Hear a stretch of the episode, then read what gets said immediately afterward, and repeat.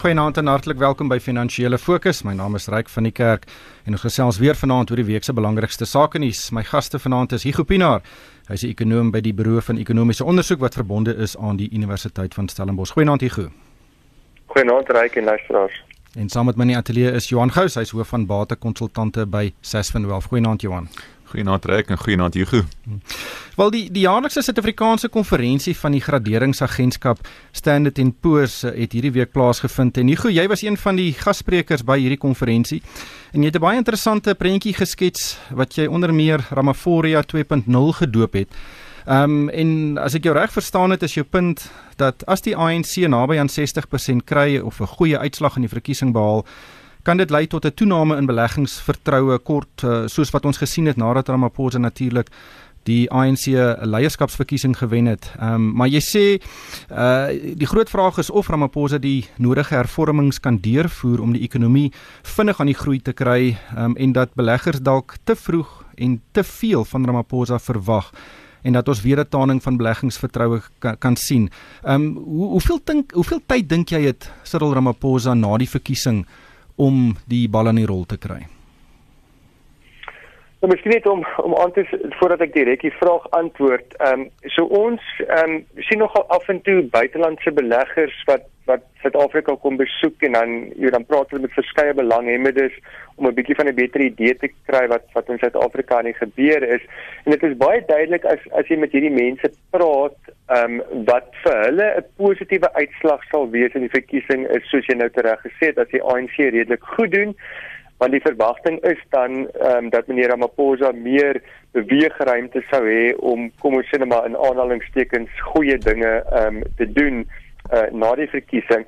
Maar ek dink reg dis dis 'n bietjie van 'n misverstaan van die dinamika uh, binne die ANC. Ehm um, en ehm um, so dit is nie vir, vir ons duidelik hoe hoe baie beweegruimte die president regtig het nie. So ek sou vermoed dat weet as jy nou iets kyk so sake vertroue dat die eerste lesings daarvan na, kom, kom ons sê net maar met die aanname die die ANC doen redelik goed dat daai lesings aanvanklik ehm um, sou toeneem, maar as mens dan nou 6 maande later sit en en daar daar het nie werklike strukturele hervormings byvoorbeeld plaasgevind nie of daar's nie veel aanduiding daarvan nie dat daai vertroue dan weer kan terugsak. Hmm. Johan Ja, ryk jy weet nê. Ek dink dit maak nie saak of jy die president of die regering of die sentrale bank is nie. As jou ekonomie nie groei nie, dan is jou hande redelik afgekap. En Suid-Afrika se probleme is nie 'n sikliese tipe van probleem waar ons net deur 'n slegte tyd gaan nie. Ons het 'n strukturele probleem in ons ekonomie.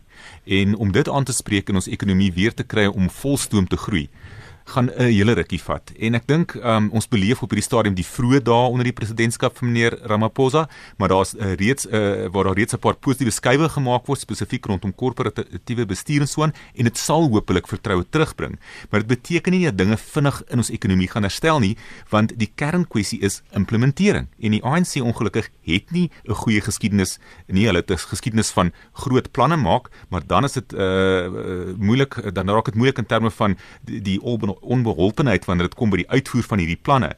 En ek dink die uitroep van korrupsie is 'n goeie begin ryk, maar op sy eie gaan dit definitief nie Suid-Afrikaanse ekonomiese groei op volspoed laat uh, laat beweeg nie. Mhm. Ja, hier goed is amper 'n uh, ek weet nie of dit 'n geval is van mik laag en voorkom teleurstelling nie. Ehm um, maar ons gaan 'n tydperk hê indien die ANC wen en in meeste van die peilings ehm um, wys dat hy tussen 55 en 60% van die steun gaan kry, is dat Ramaphosa 'n venster gaan hê om dinge te doen. Ehm um, wat wat sal jy dink moet hy heel eers doen om uh vir hom tyd te koop om daai hele proses verder voort te sit? Wel, ek dink die heel eerste ding is is hoe lyk die die kabinet na die die verkiesing en en dit gaan ons uh, binne 2 weke na die die uitslag van die verkiesing bekend gemaak word en weer eens met die aanname dat dat die ANC uh die meerderheid sou behou. Uh, president Ramaphosa is dan die president, so hy kan dan sy sy kabinet uh, saamstel. So so weer eens met met, met die aanname dat daai kabinet een 'n kleiner kabinet is, ehm um, so nie soveel ministers nie, nie soveel adjunkministers nie en ook dat die kom ons sê die gehalte van die mense in daai kabinet 'n verbetering is van van wat ons op die stadium sien. Ehm um, dan dink ek uh, die president kan homself 'n redelike mate van tyd koop. Ehm um, want dan stuur jy jy weet ten minste 'n sein ehm um, dat daar meer doeltreffende mense in die kabinet is en dan natuurlik sal sal die president vir vir beleggers en ook vir plaaslike sakelei kan sê maar kyk ek het nou die regte mense in plek gesit, maar nou moet julle net vir ons 'n bietjie tyd gee om om jy weet Johan het nou gepraat van implementering, dan moet julle net vir ons 'n bietjie tyd gee om om hierdie hierdie vir hierdie mense om om beter beleid dan nou uh, te implementeer. Ja. Ek dink uh, hy moet natuurlik ook sy die herstel van staatsinstellings en van Suid-Afrika se groot instellings begin verder verbeter vir al die sekuriteits uh een um, um instellings uh vervolgingsgesag en en dis meer sodat ons en ek dink dit gaan ongelooflike wen vir Suid-Afrika se gemoedstoestand wees indien die eerste persoon tronk toe gaan vir korrupsie. En dit is miskien dan simbolies en Johan het gesê om korrupsie te beveg gaan nie noodwendig ekonomie aan die groei kry nie maar dit kan baie doen vir beleggingsvertroue.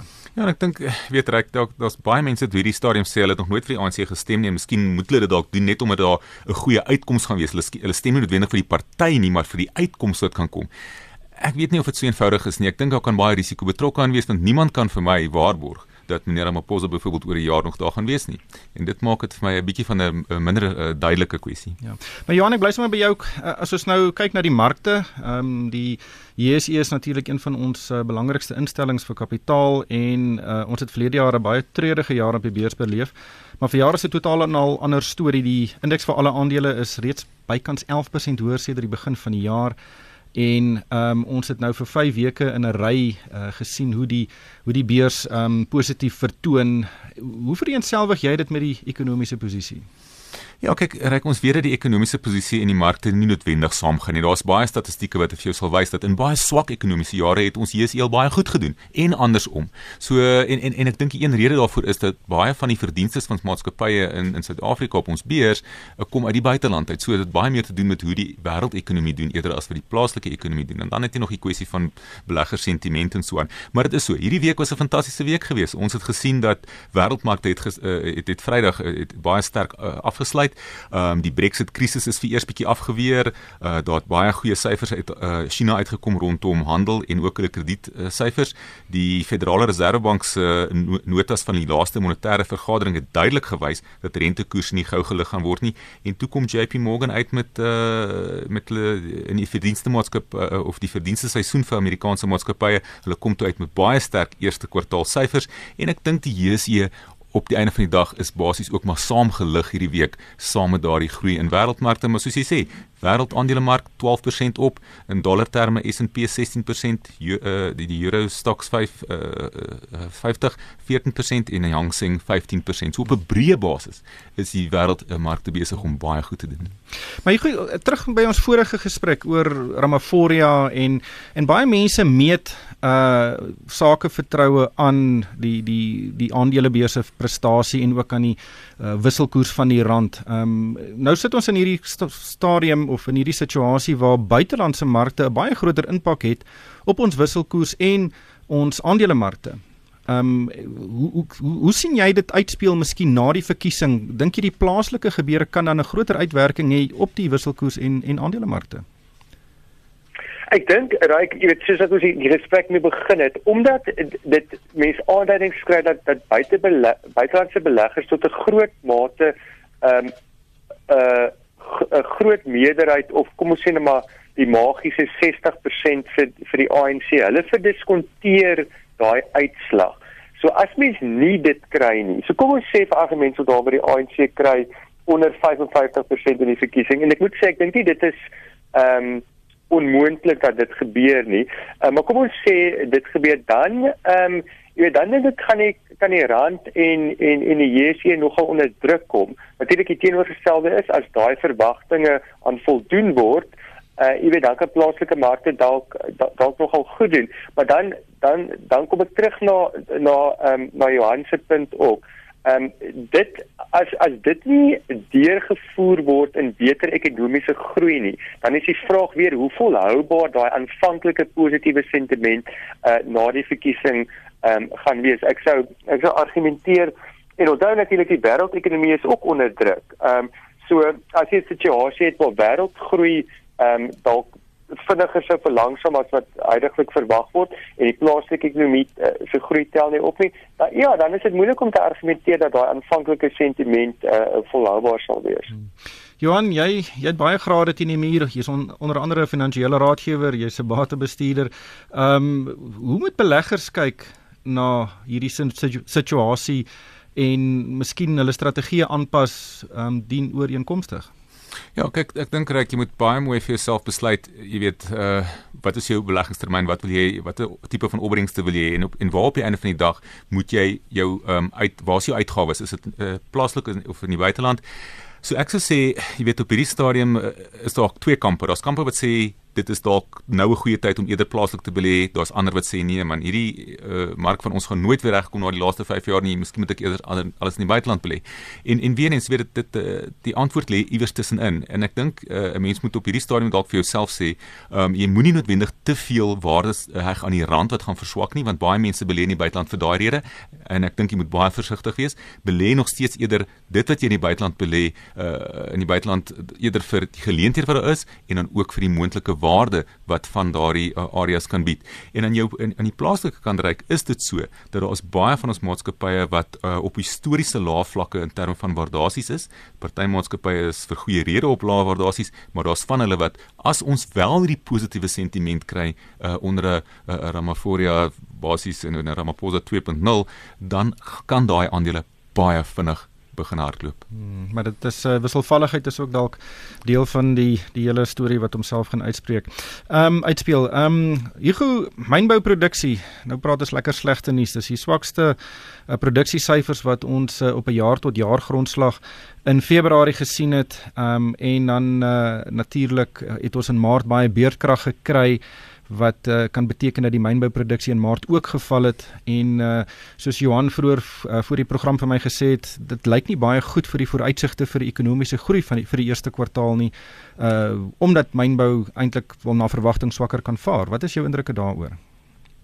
Ja definitief. En en ehm um, so miskien net om vinnig die syfer te, te noem so mynbouproduksie het op 'n jaar op jaar grondslag met 7.5% uh, gekrimp in Februarie hierdie jaar, so met ander woorde Februarie hierdie jaar teenoor Februarie uh, verlede jaar.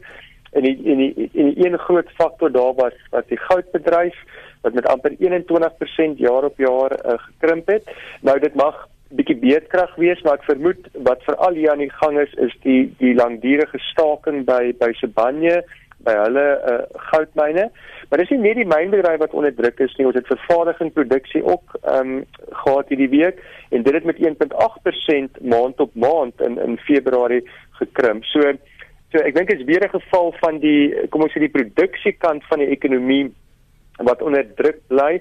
So ek moet vir jou sê Ryk op hierdie stadium as ons kyk na na al die data wat wat mense reeds het vir die eerste kwartaal, dan lyk dit asof BBP uh, moontlik gekrimp het. So die die totale uh uh waarde van goedere en, en dienste wat geproduseer word in die land dat dit dalk uh, gekrimp het in in die eerste kwartaal.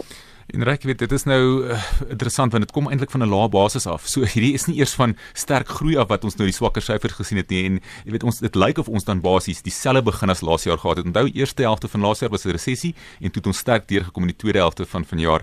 Vraag is kan dit dalk dieselfde storie wees? Ja.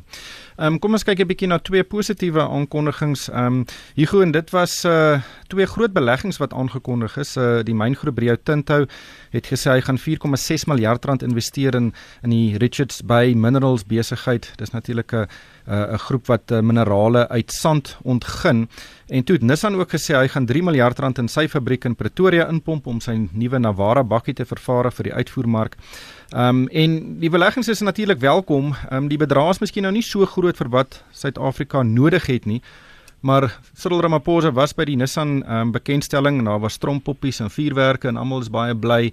Um, maar dit is net 'n druppel aan die erm in aan aan die emmer wat ons nodig het. Um, maar wat vir my uitgestaan het is dat al twee maatskappye, um, Rio Tinto en Nissan was positief oor die vooruitsigte in Suid-Afrika en al twee verteenwoordigers met wie ek gesels het, het gesê dat ehm um, Suid-Afrika is te negatief oor sy eie vooruitsigte. Ja, ek ek moet sê dit dit sit nie so baie ehm um, as ek net weer kan praat oor oor buitelandse beleggers wat wat Suid-Afrika kon kom besoek, jy weet hulle hulle sê gereeld vir mense, jy weet julle sit so naby aan die vuur waar ons uh, vat 'n meer holistiese prentjie en ons vergelyk Suid-Afrika met ander ontleikende markte, wat gebeur in Turkye, wat gebeur in Brasilië, Rusland ensovoorts en as jy so daarna kyk en terloops dis ook min of meer wat Moody's nou die dag gesê het, as jy Suid-Afrika vergelyk met ons portuïergroep, uh, dan lyk ons nie altyd so sleg soos wat ons self dalk uh, uh, sou dink nie. So dis miskien een punt om te maak.